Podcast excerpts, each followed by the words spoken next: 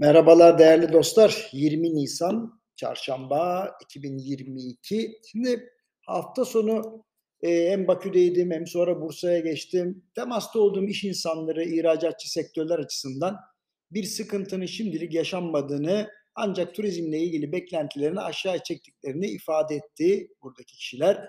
Bu arada artan fiyatlara rağmen Ramazan ayının ilk haftasında restoran ve kafelerde yavaşlayan işlerin bugünlerde zirve yaptığını da gözlemliyorum. Şunu net söyleyeyim.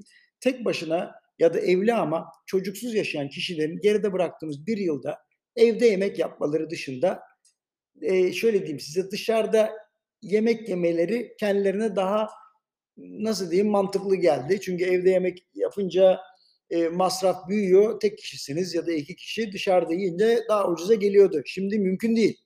Şimdi hem evde hem dışarıda yemek yemek pahalı hale geldi. Diğer taraftan en az bir çocuklu bir ailenin dışarıda değil evde yemek yemesi ölçek ekonomisi açısından daha mantıklı.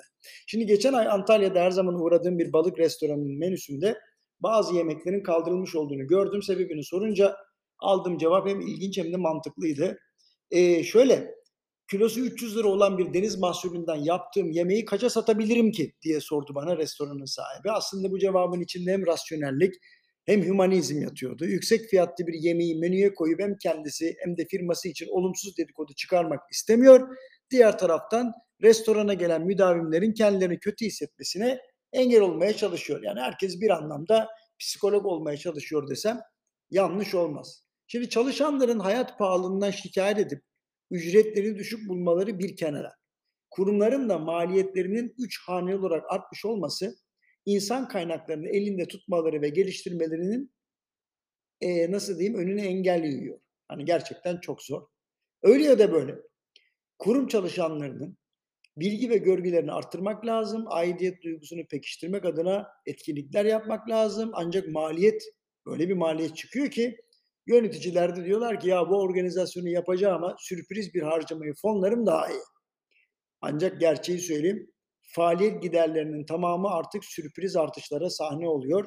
Bütçe yapmak teknikten çok sanat haline geldi. Sosyal medyada herkes birbirine benzin ve mazot faturalarının resmini gönderiyor. Diğer taraftan fiyat tavanı uygulanan sektörlerdeki yabancı firmalar Türkiye'ye ürün göndermekte tereddüt ediyorlar. Maliyet yükselirken gelire sınır koyulması uzun süre yönetilecek bir durum değil.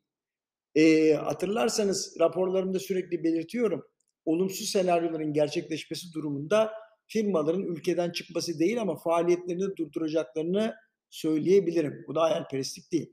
Şimdi ekonominin 360 derece analiz edilmesi lazım. Aksiyen yerlerle piyasa ekonomisine uygun yerleri tespit edeceğiz, düzenleyeceğiz.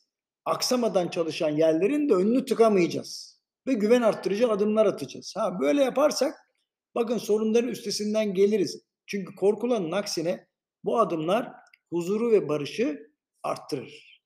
Yarın görüşmek üzere dostlar.